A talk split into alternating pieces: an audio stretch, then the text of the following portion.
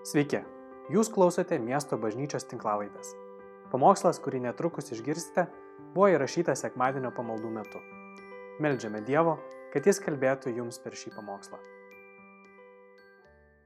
Šis sekmadienis yra trečia savaitė, kai mes pradėjom pamokslų ciklą apie santoką ir jis vadinasi melai ir tiesos apie santoką ir kalbam apie tai, kad žmogus yra linkęs e, į tokią saviapgaulę ir kai kurie dalykai mūsų prote e, mes priimam mažus melus, ne kažkokius didelius melus, bet uh, gesmių gesmė yra tokia, toks įvaizdis, tokia nupaišytas toks paveikslas, kad mažos laputės ateina, pagriaužia vynogės, vynogių medelius ir visas vynogynas jis nudžiūna. Uh, atrodo, nereikia didelės audros, nereikia didelių dalykų, ateina maža laputė įkanda truputį, pagriaužia ten kamieną ir, ir visas augalas sunyksta. Ir tie melai mes kalbėjom turbūt ir apie poreikius, kalbėjom apie tą beprotišką ciklą, kada vyras arba žmona negauna iš savo sutoktinio to, ko labiausiai jiems reikia, ar meilės pagarbos, kalbėjo Romanas praeitą savaitę apie tą vienintelį išrinktą ir yra iš tikrųjų toks žmogus, kuris tobulai atitinka mano sielą Ir mes galbūt įtikėję tuo norim surasti žmogų, kuris atitiks visus mūsų punktus, standartus.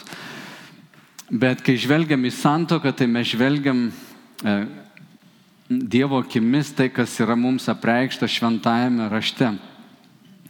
Ir žinote, kad pradžios knyga, e, kurią užrašė Moze prieš 3,5 tūkstančio metų, yra parašyta apie santoką, taip, kad Dievas sukūrė pradžioj vyrą ir moterį vienam kūne. Ir pasižiūrėjo, kad vyras jaučiasi vienišas ir kad jam kažko trūksta. Tada Dievas užmigdė Adomą, iš jo šonkaulio sukūrė moterį, jį pažadino. Ir daugelis žmonių galvoja, na, va, patobulino viešpats Dievas šį pasaulį, bet atskirimas šventame rašte niekada nėra e, šventas dalykas. Ir kai jis atskyrė vyrą nuo moters, buvo du kūnai. Paskui Dievas pasakė, dabar vyras paliks savo tėvą ir motiną, jungsis prie savo žmonos ir du taps vienu kūnu. Sujungimas, vienovė yra, yra šventas dalykas. Dievas sako, kad santoka, kurią jisai tvirtino pačioj pradžioj, yra kai du žmonės susilieja į vieną kaip du lašeliai ant stalo, kurie būtų taip padėti, jie, jau, jie turi įtampą, jie nesusijungia, bet jeigu įtampą panaikintum, jie susilieja į vieną. Tai santoka irgi yra tas dieviškas sukūrimas, dieviškas kūrinys, kur du žmonės ištirpsta vienas kitame. Prieš vestuvės dažnai jauniesiams sakau, nu sveikinu jūs, šiandien prarasit savo laisvę. Ir taip. Ir tai yra absoliuti tiesa. Kai tu įeini į sandorą, tu įeini į santoką, tu prarandi laisvę.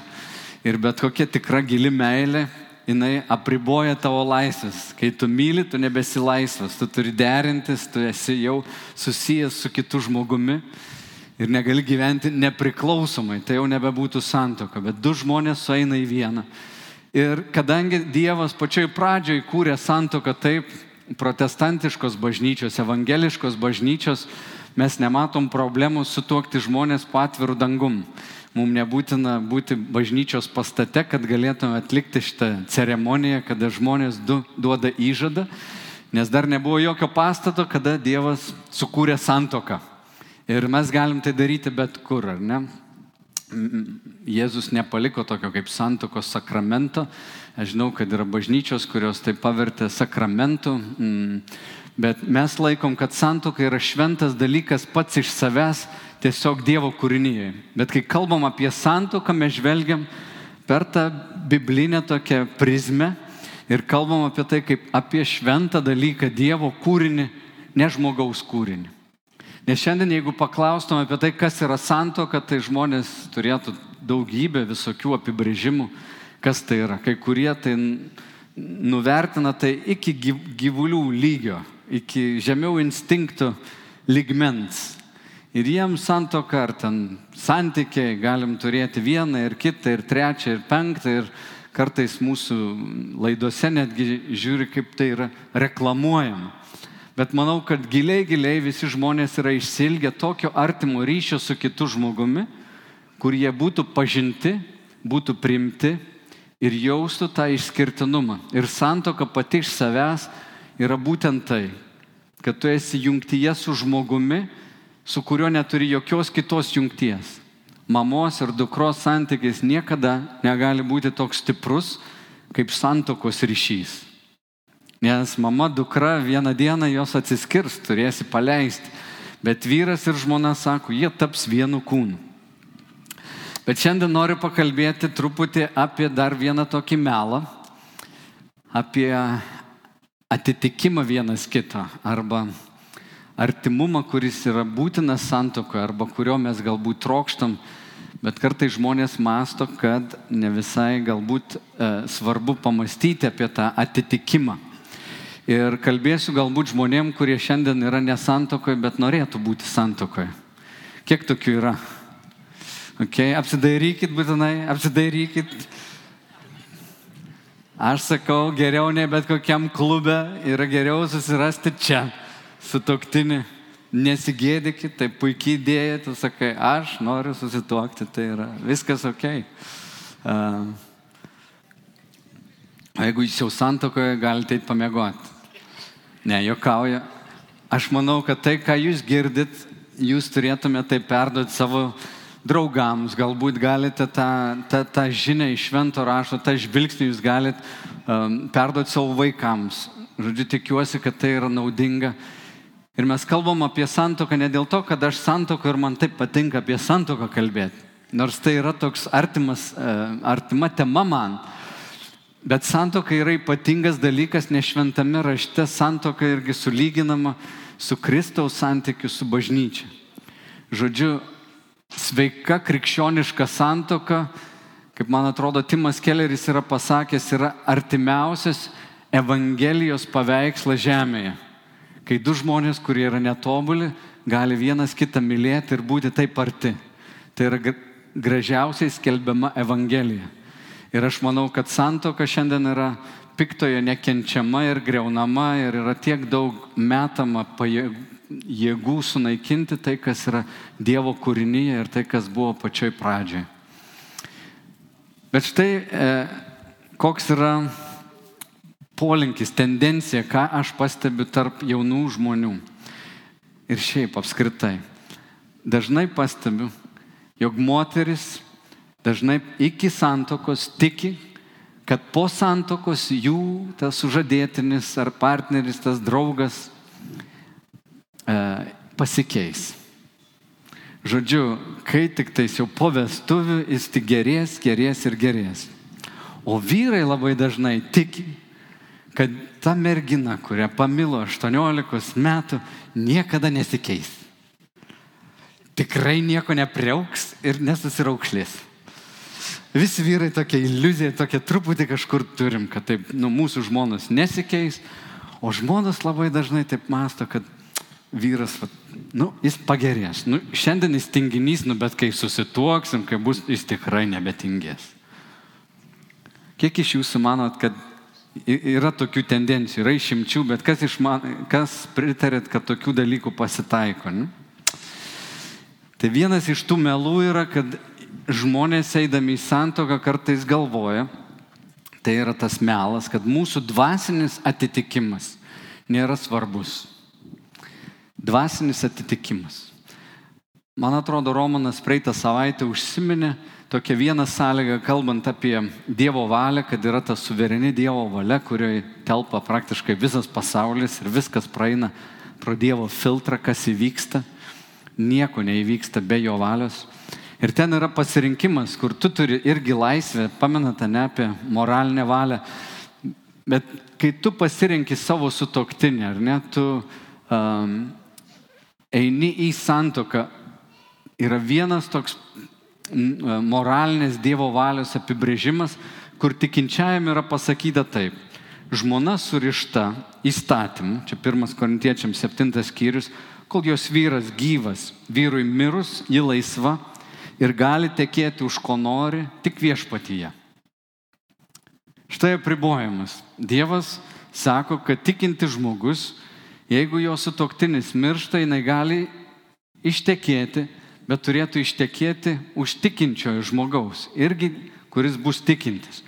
Dar kita vieta, antras laiškas korintiečiams sako, nevilkite svetimo jungo su netikinčiais. Kasgi bendro tarp teisumo ir nusikaltimo? Ir kas bendro tarp šviesos ir tamsos? Kaipgi galima gretinti Kristų su Beliaru arba kokia dalis tikinčiojo su netikinčiu? Kodėl toks nurodymas, kodėl toks apribojimas? Sumažina pasirinkimus labai. Žiūrėkit, galėčiau išeiti į gatvę, durti bet ką, o čia kažkas taip, hmm, hmm. Ir kai mes girdim Dievą, kuris yra mylintis ir jisai duoda kažkokį nurodymą, mano prielaida visada tokia Dievas nori gero. Visi jo pribojimai yra skirti tam, kad mane apsaugotų. Bet koks tėvas, kuris myli savo vaikus, nubrėž tam tikras ribas. E, žiauriausias dalykas, ką galim padaryti, tai nenubrėžti jokių ribų vaikui ir jo protas negali veikti normaliai, jis pasimeta, jis bus sutrikęs, jis auks didžia, dideliam nesaugume, nes nėra aiškios ribos. Vaikui jos yra būtinos. Išlepinimas vaiko, leidimas viską daryti, e, sugadins jį ir tai bus jam tikrai neįnauda. Atlygiai taip pat mūsų dangiškas tėvas nubrėžia tam tikras ribas, kaip mes turėtumėm gyventi arba ką turėtumėm rinktis. Pakalbėkim apie artimumo lygius. Pirmas artimumo lygis, toks kaip pamatinis, yra fizinis artimumas, fizinis patrauklumas. Kiek iš jūsų vat esate taip, jums buvo, kad pamatėt kokį merginą, pamatėt vaikiną ir kažkas viduj taip. Tik 15 laimingų žmonių meluojat, jūs turėjai kažkur būti, jeigu tai esi sveikas žmogus, aš galvoju, gal penktoj klasiai tau pasisekė ir ten. Žinot, mes visi išskiriam tam tikras bangas, nežinau, angliškai libido tokios bangos yra, žodžiu, mes suvibruojam, ar ne, kaip pim, pim, pianinas tau paspaudė, kažkokia nata tau sugroja ir tu staiga iš krūvos panelė, viena panelė tau sugroja, taip. Vaikinas tau. Mano žmona Sanas sako, kai mes teatre buvom Vokietijoje, kai jinai įeidavo ten tokį susirinkimo vietą, aš tokį portfelį turėdavau, jinai įeidavo, pasižiūriu, yra portfelis ir būdavo. Portfelis yra, e, žmogus yra. Ir toks. Uu ir tau, tave traukia. Yra tas patrauklumas ir čia yra kažkoks vėlgi stebuklingas toks Dievo dalykas. Patarlėse net pasakyta, yra septyni dalykai, kurių aš nežinau. Ten vienas yra gyvatės kelias dikumoje, bet kitas vyro kelias į moter širdį. Yra kažkoks paslaptingas dalykas ir mes nežinom, kodėl su vienu taip suvibruoja ar ne, o su kitu nesuvibruoja.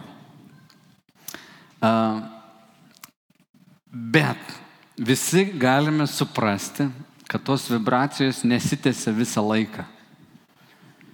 Netgi kartais po savaitės tau niekas nebevibruoja. Būna. Vibravo, vibravo kažkas tenais. Du mėnesius buvo. Ir paskui nebevibruoja patarlėse 31 skyriui yra taip pasakyta, žavumas apgauna ir grožis praeina. Žavumas apgauna ir grožis praeina. Žodžiu, jeigu viską vien ant to pastatysi, tai mm, gali labai apsigauti. Žiūrėkit, žmogų tave patraukia prie kažko, tu galvo, wow, kokia jinai faina, wow, koks nerealus jisai, koks fantastinis žmogus. Ir kartais tu žiūri tą panelę tokia faina, kol netveri savo burnos. Ir gali būti, kai išvems ką nors ir tu galvoji, nesupratau, atsiprašau, kaip galėjo toks purvas išeiti iš jos burnos. Tas pats su vyrais. Koks nors. Mm, kaip pavarys ant ko nors Ir tu galvoji, toks buvo gražus, staiga kažkoks nelba labai gražus toks. Ir tas fizinis grožis, tu supranti, nėra viskas. Čia vėlgi patarlėse pasakyta, neįsižeiskit moteris. Kaip aukso žiedas keulės nukyje yra graži moteris, neturinti supratimo. Manau, tą patį galima būtų pasakyti ir apie vyrus. Kaip aukso žiedas keulės nukyje yra koks tas vyras, nebūtinai gražus, stiprus vyras, neturinti supratimo. Žodžiu, tu supranti, kad tas aukso žiedas, tos keulės nepapuošia. Ar ne? Tu gali ir auksinius trisikus apmauti tą keulėje, tu gali kažkaip ją išpuošti, išdažyti, makijažą uždėti, bet tu supranti, kad savo prigimtimi ta keulė nėra vienas iš tų gražiųjų. Žinai, tai ne povas keulė jinai valgo beleką, vaikšto po šiukšlynus, jai viskas gerai. Miega kur papuolė, nukrito kampė. Ir supranti, kad jeigu tu santoką nestatai vien ant to, kad, uu, kokia jinai graži, bet gal tu tik žiedą pamatėjai, o vidus ten visai kiti dalykai vyksta. Antras artimumo dalykas yra mūsų emocinis artimumas. Ir tai jau toks truputį kaip uh, svarbesnis dalykas. Žiūrėkit, du suartėja truputį arčiau kaip tam trikampiai. Um, yra tokia labai graži istorija uh, apie Dovydą. Dovydas, kai buvo persiekiamas karaliaus Sauliaus, jis po dykumą slapstėsi, su juo buvo apie 500 tokių nusikaltusių, prasiskolinusių vyrų, žodžiu, visi labai kieti. Ir jie prižiūrėjo tokią vieną bandą, tiesiog suteikė apsaugą, žinote, tais laikais būdavo, kad kažkas eina vagia vis ir Dovydas prižiūrėjo ir vieną dieną po metų laiko jisai siunčia tos bandos savininkui žinutę, sako, klausyk, duok mums truputį pavalgyti, mes tavo piemenys prižiūrėjom, viskas, uh, apsaugą tokią suteikėm.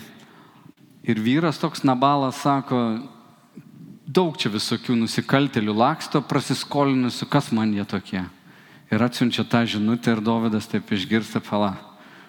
Mes tiek rūpinomės, saugojom, padėjom ir dabar tokia, pff, tokia trenkia mum į veidą. Ir žodžiu, jisai pasikinko arklius, jie visi tenais pasiruošę dabar sunaikinti nabalą. Ir jo žmona Abigailė išgirsta apie tai ir jinai greitai pakinko tenais asilus, prideda daug dovanų ir išsiunčia pasitikti Dovydą. Žodžiu, jam bejojant, jinai jį pasitinka ir Abigailė sako, mano vyras Nabalas reiškia beprotis. Jinai tom dovanom sumenkin, nu, su, kaip sakyti, numalšina tą pyktį, sako, nenusidėk, nepraliek kraujo. Ir um, apie ją pasakyta taip, 1 Samuelio 25.3. Jo vardas buvo Nabalas, o jo žmonos Abigailė moteris buvo išmintinga ir graži bet jos vyras širkštus ir blogo elgesio. Dovydas pamatė, Abigailiai buvo graži, bet jinai buvo ir labai supratinga, jinai suprato, ką tai reiškia, karas ateina į namus, jinai išmintingai viską sutvarkė. Kai ta žinutė pasiekė, kad jo žmona sustabdė tą armiją ir kad, e, Nabal, nu, kad būtų viskas buvę sunaikinta, kaip pasakyta, Nabalo širdis sustojo, dešimt dienų jis kažkokioj komoj prabuvo ir paskui mirė. Ir Dovydas dėkojo Dievui, kad nesusitepė krauju. Bet paskui Dovydas vedė Abigailę. Tai čia toks, matome tą, tą, tą žingsnį tokį, kur Dovydas pamatė gražią moterį, bet suprato, ji yra ir išmintinga. Ji nėra vien tik moteris su auksiniu žiedu nosėje. Ir atrasti sutoktinį, atrasti vat, tokį draugą savo gyvenime yra palaiminimas. Ir manau, kad jaunas žmogus eidamas link santokos turėtų rimtai taip pasižiūrėti į tą žmogų. Žinot, ką aš išvelgiu šiandien problemą, kad yra išnykus viena profesija. Nebėra piršlių. Žinau, kad senovėje būdavo piršliai, piršlio darbas būdavo taip pažiūrėti truputį ir visa bendruomenė galėdavo dalyvauti, suvienijant kažkokias šeimas. Visi suprantam, kad esam iš šeimos ir mes atsinešam savo šeimos istoriją Ir dažnai jauniesiams sakau, žiūrėkit, kai jūs sugulsit į lovą, ten šeši žmonės gulės. Tu, tavo žmona, jos tėvai ir tavo tėvai. Tai tokia nejauki mintis truputį, bet visa istorija, žinai, iš tikrųjų mes atsinešam visą savo šeimos istoriją ir, ir, ir sugulam tenais, žodžiu, tam mėgamajam tenais yra daug veiksmo. Uh, jie fiziškai ten nedalyvauja, bet, bet protose vis, visi tie vaizdiniai ir iš kur mes atėjom tikrai dalyvauja. Matot, problema šiandien, kad daug jaunų žmonių turi tokį spaudimą patys išsirinkti savo sutoktinį. Ir jie, e, dar jeigu tiki, kad e, tuo mel, melu, kad kažkur yra tobulas ir Dievas man turi išrinkęs tobulą kažkur partnerį, tai jie tokie turi nesuklysti ir nelabai pasiklausyti ant kitų, o kaip man dabar čia išsirinkti. O anksčiau būdavo, žmonės buvo daug seslesni, šiandien visa mūsų atrodo planeta mums prieinama per internetą, iš bet kurios šalies gali per, per tam tikrus tinklapius susirasti savo porą. Bet tada tu kaime gyveni ar ne ir tie žmonės sako, ta šeima dora, ta šeima dora, žiūrėkit, jūs galėtumėte ten sueiti. Ir piršliai darydavo savo darbą. Tai einant į sutoktinio pasirinkimą, yra didelis palaiminimas, jeigu žmogus turi aplink save būri patikimų draugų, tėvai, kurie yra teisingai suinteresuoti ir gali patarti, ir gali kažką pasakyti, ne šiaip, nu, įstumti. Aš šią savaitę išgirdau istoriją vienos moters, kurios, kuri yra dabar našlė, Bet sako, aš ne iš meilės ištekėjau. Mano tėvai sako, nu jau tau tiek metų būtinai tuokis. Ir sako, ne iš meilės. Ir vat nugyvenom ir, ir vaikus augino. Bet galvoju, va tėvai galbūt dėl gėdos, kad čia mano dukra bus senmergė, žodžiu, pastumė. Bet aš kalbu apie tokį, kad tu esi suinteresuotas teisingai savo sutoktiniui kažką pasakyti, nesutoktiniui atsiprašau, savo vaikui pasakyti apie tą žmogų. Ir manau, kad jaunas žmogus, kuris gali pasiklausyti kitų nuomonės, padarys protingą sprendimą. Aš asmeniškai, gal jūs nustebins, netikiu, kad pasimatymai ir draugystės yra geras dalykas. Žinot kodėl? Tai kai žmonės draugauja, jie taip vaidina, jie taip gražiai atrodo pasimatymuose, jie taip viską taip. Mano dukra žino. Sako, tėti, neaiškink, aš jau viską žinau.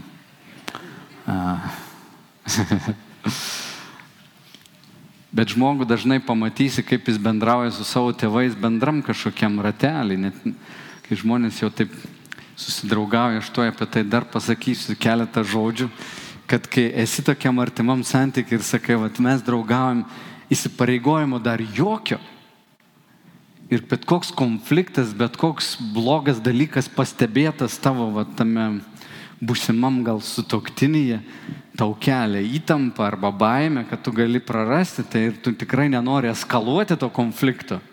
Nes jeigu eskaluosi jį, tai įtampa sukilus gali jūs išskirti ir tu visom jėgom bandai apsaugoti tą santyki. Ir tada nebegali objektyviai išvelgti į tą situaciją. Ir taip su daugeliu atsitinka, kad jie tiesiog bando apsaugoti ir atvirai nelabai gali kalbėtis. Ten yra daug vaidybos. Nesakau, kad visur, bet tiesiog polinkis yra toks. Nes kai jau yra įsipareigojimas santokoje, tu ten gali, nu ir daug ką gali diskutuoti, apie daug ką kalbėti. Bet mes kartais taip norim greitai iššokti, mums taip patinka tai, kas vyksta, kad, kaip sako liaudės, meilė akla, įsimylį, tau viskas vibruoja, viskas gražu ir tu labai greitai gali iššokti į tą santykį ir objektyviai nematyti. Šiandien būtų fantastika turėti keletą būt e, tokių piršlių. Jeigu jūs turite tokį pašaukimą, prieikit prie manęs. Mes jūs pastatysim čia kampe, įdarbsi žmonės, kurie ieškote, prašome, čia yra piršlys, kuris gali jis. Mm. Bet buvimas bendruomenė, buvimas rate, kur žmonės tau gali kažką pasakyti, iš tikrųjų yra didelis palaiminimas ir apsauga. O turėti žmogų, kuris tampa tavo tokiu geriausiu draugu, tai iš tikrųjų yra didelis palaiminimas. Viena gražiausių knygų e, Biblijoje yra giesmių giesmė. Ir ten tiek daug gražių įvaizdžių nupaišytų. Ir viena eilutė sako, jo burna labai saldi, jis visas žavingas. Jeruzalės dukros, toks yra mano mylimasis, mano draugas. Tai iš tikrųjų gražu, kai mylimasis, kur yra ir tas fizinis toks potraukis, tampa ir mano draugu, kad yra dalykai, kurie sieja mus, mes mm, einam į tą tokią darną ir mes nesam visiškai alergiški vienas kitam. Dar kita eilutė mokytojo knygoje, Eklezijasto 9.9 sako, džiaugis gyvenimu, kurį tau Dievas davė kartu su žmona, kurią myli. Tokia yra tavo gyvenimo dalis šiame pasaulyje. Taigi atitikimas, tas intelektualinis arba, arba emocinis atitikimas irgi labai svarbus. Ir trečias artimumas, kuris uh, sujungia mus, yra dvasinis. Kai gali bendrauti vienas su kitu Dievo meilės šviesoje. Ir jis priartina žmonės iš tiesų labiausiai. Kuo žmonės arčiau eina Dievo, tuo jie eina arčiau ir vienas kito. Taigi Jėzus užtvirtina tai, kas buvo pačioj pradžioj Mato Evangelijos 19 skyriui. Jis sako, argi neskaitėte, jog kuriejas iš pradžių sukūrė juos vyrą ir moterį ir pasakė, tegul žmogus paliks tėvą ir motiną ir susijungs su savo žmona ir du taps vienu kūnu. Taigi jie jau nebėra du, o vienas kūnas. Todėl, ką Dievas sujungia, žmogus tai neperskiria. Taigi grįžtu prie to, kad santoka yra tapimas vienu bet pakviečiant patį Dievą į tą santoką. Ir kadangi santoka yra šventas dalykas, iš tiesų jinai turi turėti ir tą pagarbą, ir turi turėti šventumo suvokimą. Ir čia, jeigu žvelgti, kad Dievas yra kuriejas, jis yra autorius, jis daugiausiai ir gali padėti mums santokoje įgyvendinti tą pašaukimą, kurį jisai mums davė. Ką jis kaip autorius sumastė, kas turėtų būti santokoje. Nežmogiškas, savanaudiškas kažkoks prieimas prie to, ieškojimas tik savo naudos arba poreikių toks patenkinimas yra labai laikini tikslai. Santoka turi vesti žmonės į šventumą.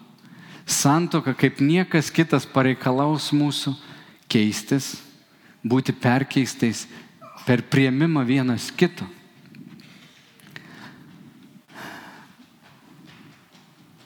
Žodis merginoms. Procentaliai merginų bažnyčia yra daugiau negu vaikinų. Nežinau, vyrai, mes galim gal tą padėtį kažkaip pakeisti. Kažką reiktų sugalvoti tokio gero, kad čia būtų vyrų labai daug. Bet šiaip bažnyčia, kai galvoja, kai kalbam apie santykius, labai merginos, man atrodo, jų daugiau, moterų bažnyčiose daugiau. Dažnai. Nežinau, kodėl taip yra. Jeigu jūs žinot atsakymą, man pasakykit. Bet vakarų pasaulyje tokia tendencija yra. Jeigu žiūrėsi musulmonų pasaulį, tai ten, man atrodo, vyrai dominuoja. bet, bet žiūrint vat, į bažnyčią, merginų labai daug. Ir, ir merginos sako, nu kur rasti, sako, gerą vaikiną. Vat geras vaikinas, tas ir tas jau pačiupti. Žodžiu, deficitas, kaip tarybų sąjungai yra protingų, dvasinių žmonių deficitas. Tai čia vyrams reiktų labai pasitemti. Bet žinot, kas atsitinka su merginomis, jeigu mergina masto taip, kaip aš sakiau. Jie įtiki, kad galbūt dvasinis tas atitikimas nėra toks svarbus, vyrų trūksta, išsirinksiu bet ką arba pažiūrėsiu, rasiu kažką. Ir aš kartais, kai išgirstu, kad mergina nuėjo į naktinį klubą susirasti savo vaikino, Mane pradžioje tai šokiravo, paskui supratau, kad tai visgi vyksta. Čia gali, žinai, būti šokiruotas kiek tik nori, bet yra tas jos noras būti santukoje ir jis yra Dievo duotas. Bet jinai eina kažkur ieškoti kitur ir jeigu jinai yra įtikėjus, kad vieną dieną jis pasikeis, tą tendenciją aš pastebiu ir mergina pradeda draugauti su vaikinu, tai jos pirmi tokie klausimai, žinai, yra, ar tu vaikus myli? Myliu. Mmm, kaip fainai, jau čia geras kandidatas. Kalbamės toliau, kalbamės toliau, žinoma, prieinam prie tokio taško, ar tu Dievą tiki, tikiu, tikiu. Paskui, kai pradeda jie kalbėti daugiau, vis daugiau emociškai kažkaip įsitraukia į tą santyki jinai pradeda matyti, kad gal tas Dievo tikėjimas, taip, aš Dievą tikiu, bet tai labai labai toks abstraktus gaunasi, žinai, tikiu į Dievą. Nekenčiu organizuotos religijos, nekenčiu veidmainių bažnyčiose, žodžiu, kartais pasilieja toks, nu, išsilieja negativumas ant bažnyčios ir mergina taip, nu, gal nieko tokio, bet jis Dievą tiki, gal kai vaikai gims, gal jisai, žinai, bažnyčia jos nuves ir panašiai. Bet kuo daugiau į tą emocinį ryšį eini, tuo sunkiau tau nuo jo atsitraukti. Kas dar šiandien įvyksta? Žmonės pradeda draugauti, jos pasaulį netgi ragina, hei, jūs ir mėgokit kartu, pažiūrėkit, ar jūs seksualiai vienas kitam atitinka. Ir kažkaip žmonės ir čia dar padaro klaidų ir manau, kad tai yra tikrai didelė klaida, net psichologiškai galėtum žvelgti tą dalyką, dvasiškai tuo labiau, kad tai yra klaida. Tai atsiskirti tau nuo tokio santykio paskui yra iš vis sudėtinga. Ir mergina jinai savęs daug atiduoda, įeina į tą santykį su tą viltim, kad gal vieną dieną jis pasikeis. Ir paskui jinai jau susirišus yra su juo tokiam santykiai, gal net ir į santoką įeina, prasideda jo evangelizavimas. Pradedi atvertinėti tenais, kaip jį nusitemti bažnyčią, kaip jį tą padaryti ar aną padaryti. Tai galioja ir vyrams. Suprantat, ar ne, kad gali būti ir atvirkščiai. Bet kalbu, tarkim, apie merginą, kad jinai tiki vieną dieną, gal jisai tikrai, tikrai pasikeis. Man vienas artimas žmogus sako, aš taip bandžiau vieną panelę vat, atitemti į bažnyčią, mes draugavom, bet sako, jausmas buvo toks, kad ne aš ant stalo užkėliau, o jį mane nuo stalo nutempė. Jis taip patviravo. Ir sako, aš pats nutolau nuo Dievo pusiai metų. Ir tai man toks artimas žmogus. Ir aš galvoju, kad tai truputį neteisinga apskritai prieiti prie žmogaus va, su tokia, nu, su savo tikslais jį atvertinėti. Nemanau, kad visiškai yra sąžininga. Ir tą viltį galima tokia puoselėti, bet tu pradedi atvertinėti, o iš tikrųjų dėl to, kad jau susijai kažkur nesustabdėjai savęs, tiek emociškai jau įsitraukiai, gal net ir pradėjai intimų gyvenimą, kaip tau atsitrauk dabar nuo jo. Ir paskui laikant bėgant žiūri tą merginą, jos jau nebėra bendruomenė, jos jau nebėra Dievo reikaluose, jinai gyvena. Ir aš kalbu šitos dalykus su, tokia, nu, su tokiu tam tikrus skausmu, nes aš nemačiau labai laimingų žmonių, ypač tikinčių žmonių, kurie nuėjo tuo keliu ir susitokė su netikinčiu. Ir apaštalas Paulius sako, žiūrėkit, čia yra ir šviesa, ir tamsa. Tu sakytum, oi, kaip netolerantiška. Bet bibliškai kalbant, dvasinis gyvenimas, jis yra tokio pobūdžio.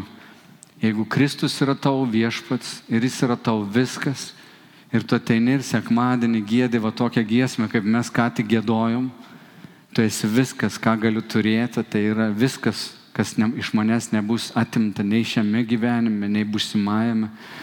Jeigu Jėzus tautavo tavo didžiausią meilę ir jis yra ne kūrinys kaip tavo sutoktinis ar draugas, jis yra kuriejas, kuriam tu pašventai savo širdį ir tu niekada negalėsi tomis meilėmis dalintis su savo sutoktiniu, koks liūdnas ir vienišas tas jausmas.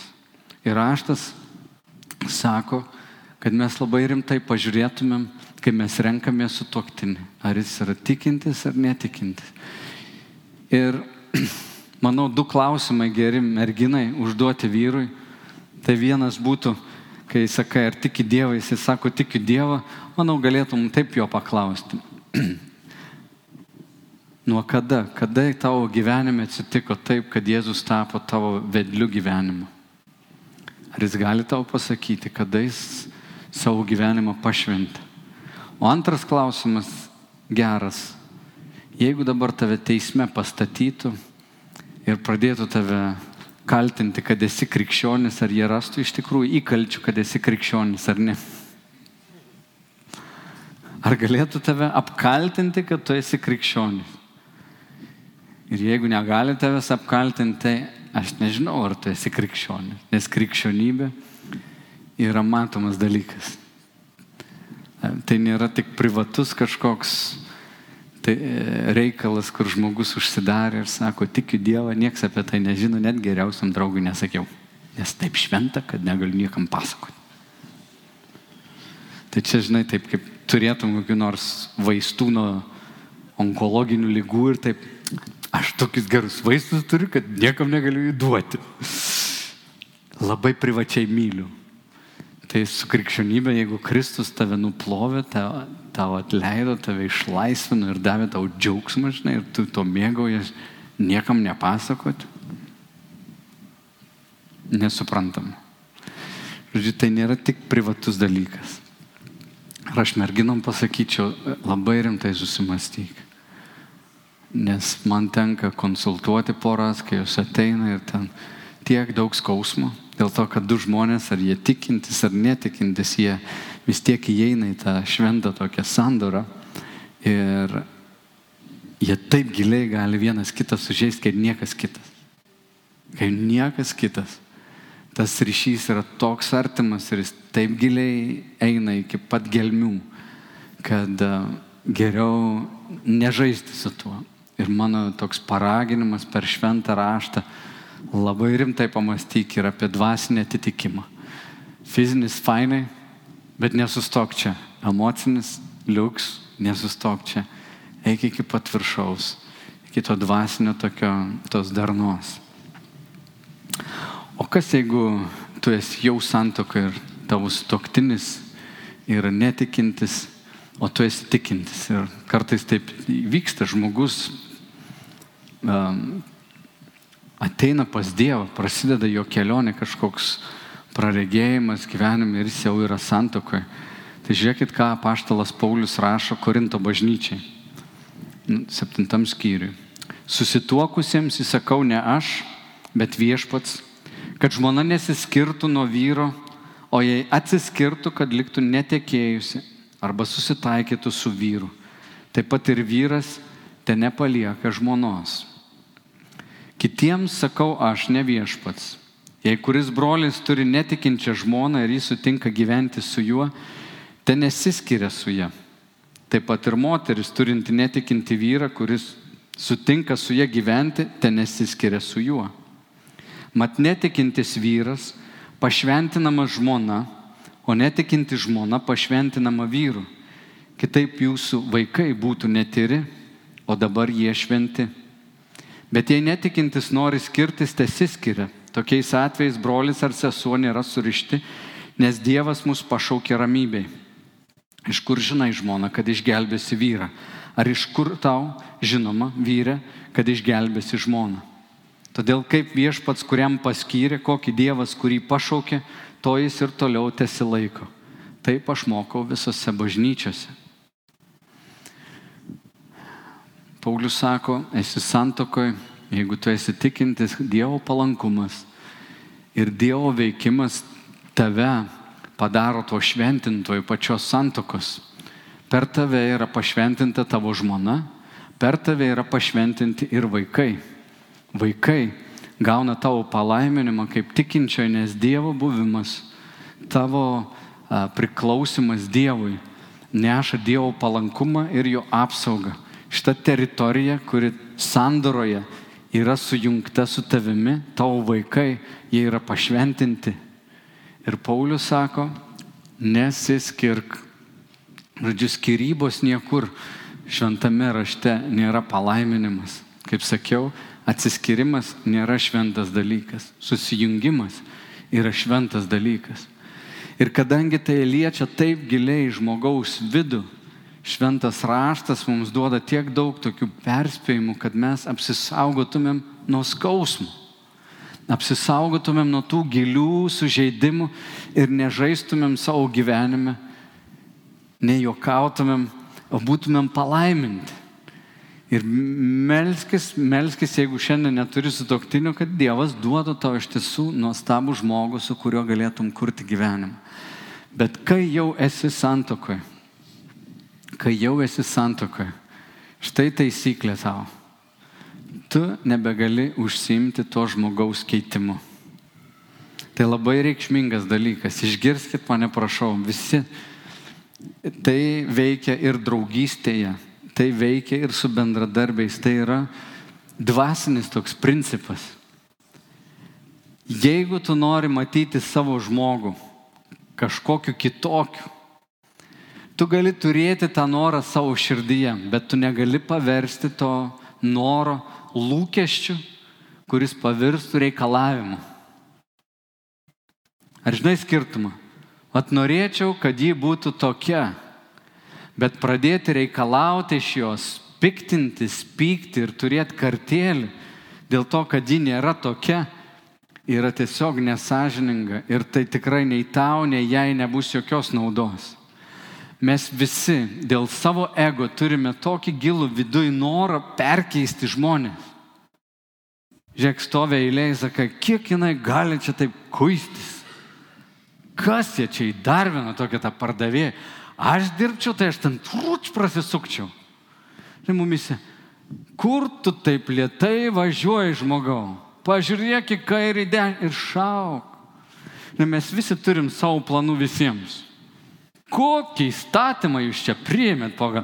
Žodžiu, jeigu paklausi tavęs ir manęs, tai mes galėtum šį pasaulį sutvarkyti tobulai. Nu, ne visi turi tą didelį norą. Perfekcionistai labiau linkia naudoti šito noru. Bet principas yra toks. Štai gražų žodžiai Tomas Mertonas yra užrašęs tokius žodžius. Meilė prasideda, kai mes leidžiame tiems, kuriuos mylime, likti savimi, o ne bandyti įsprausti juos į mūsų atvaizdą ir pavydalą. Jei mylėdami negalime mylėti jų, kokie jie yra, o norime mylėti tik jų panašumą į mus, tai mes jų apskritai nemylime. Mes mylime tik savo pačių atspindį juose.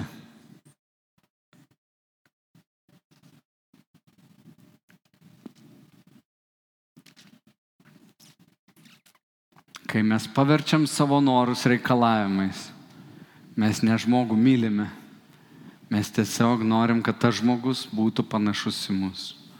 Ir bet kokia va ta kritika, tie priekaištai, kurie eina, jie visiškai nesuteikia žmogui jokios jėgos keistis.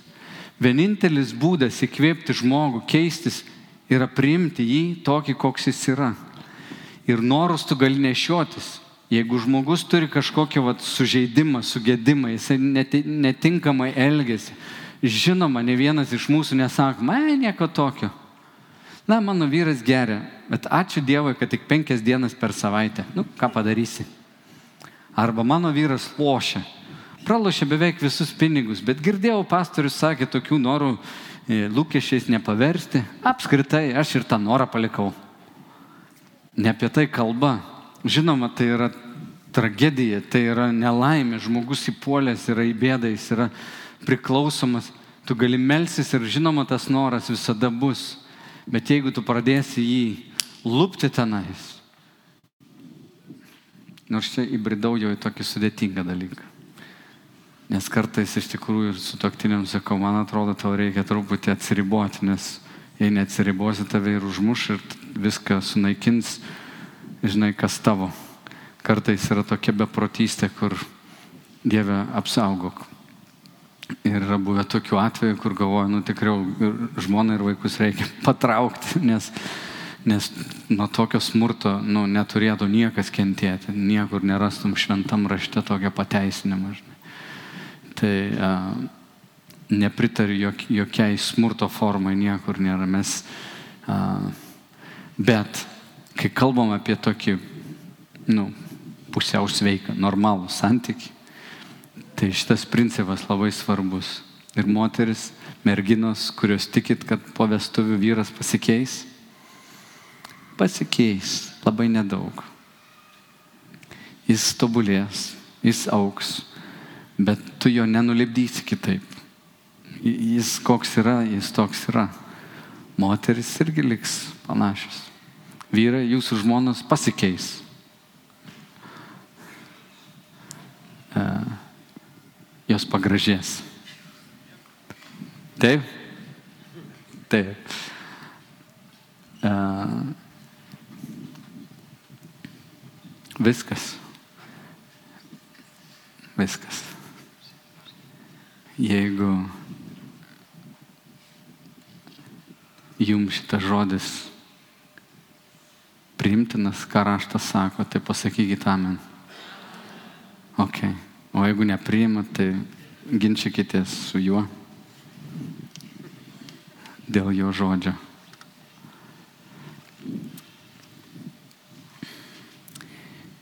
Ir užbaigsiu maldą. Tik kiek čia be jokaučiau, ar kartais pasijokėm mes kalbėdami. Aš suprantu, kad tai yra be galo svarbus dalykai ir jie liečia visus, nes visi atėjom į šį pasaulį per vyrą ir moterį. Ar tu šiandien santoko ar nesantoko, mes visi esam susijęti. Vyras atėjo per moterį, moteris atėjo per moterį ir vyrą. Mes visi labai susijęti ir mums kaip nieko šiandien labiausiai reikia Kristaus išminties ir tiesos. Ir dažnai reikia jo išgydymo, bet jo išminties. Ir ypač tiem, kurie šiandien nesantoko, kad jie būtų palaiminti ir galėtų mėgautis, mėgautis tą, ką Dievas yra jiem paruošęs. Taigi šventas Dieve mes prašom, kad tu pašventintum mūsų santokas, pašventintum ir palaimintum tuos, kurie eina į santoką, kad jie ruoštų save tapti dovana savo sutoktiniui.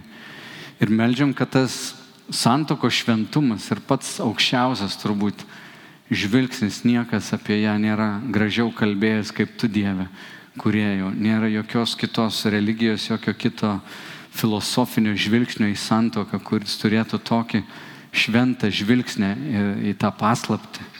Dieve, mes melžiam, kad ir tu mus paverstum tos santokos laimintojais ir palaikytojais ir kad santokos bendruomeniai būtų sveikos.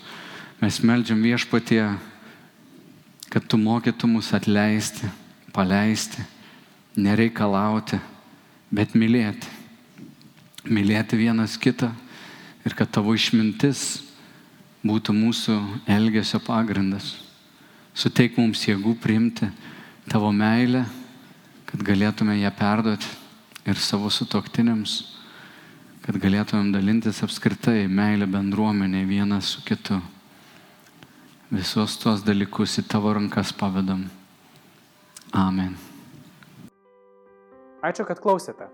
Daugiau informacijos apie miesto bažnyčią rasite internete www.m-b.lt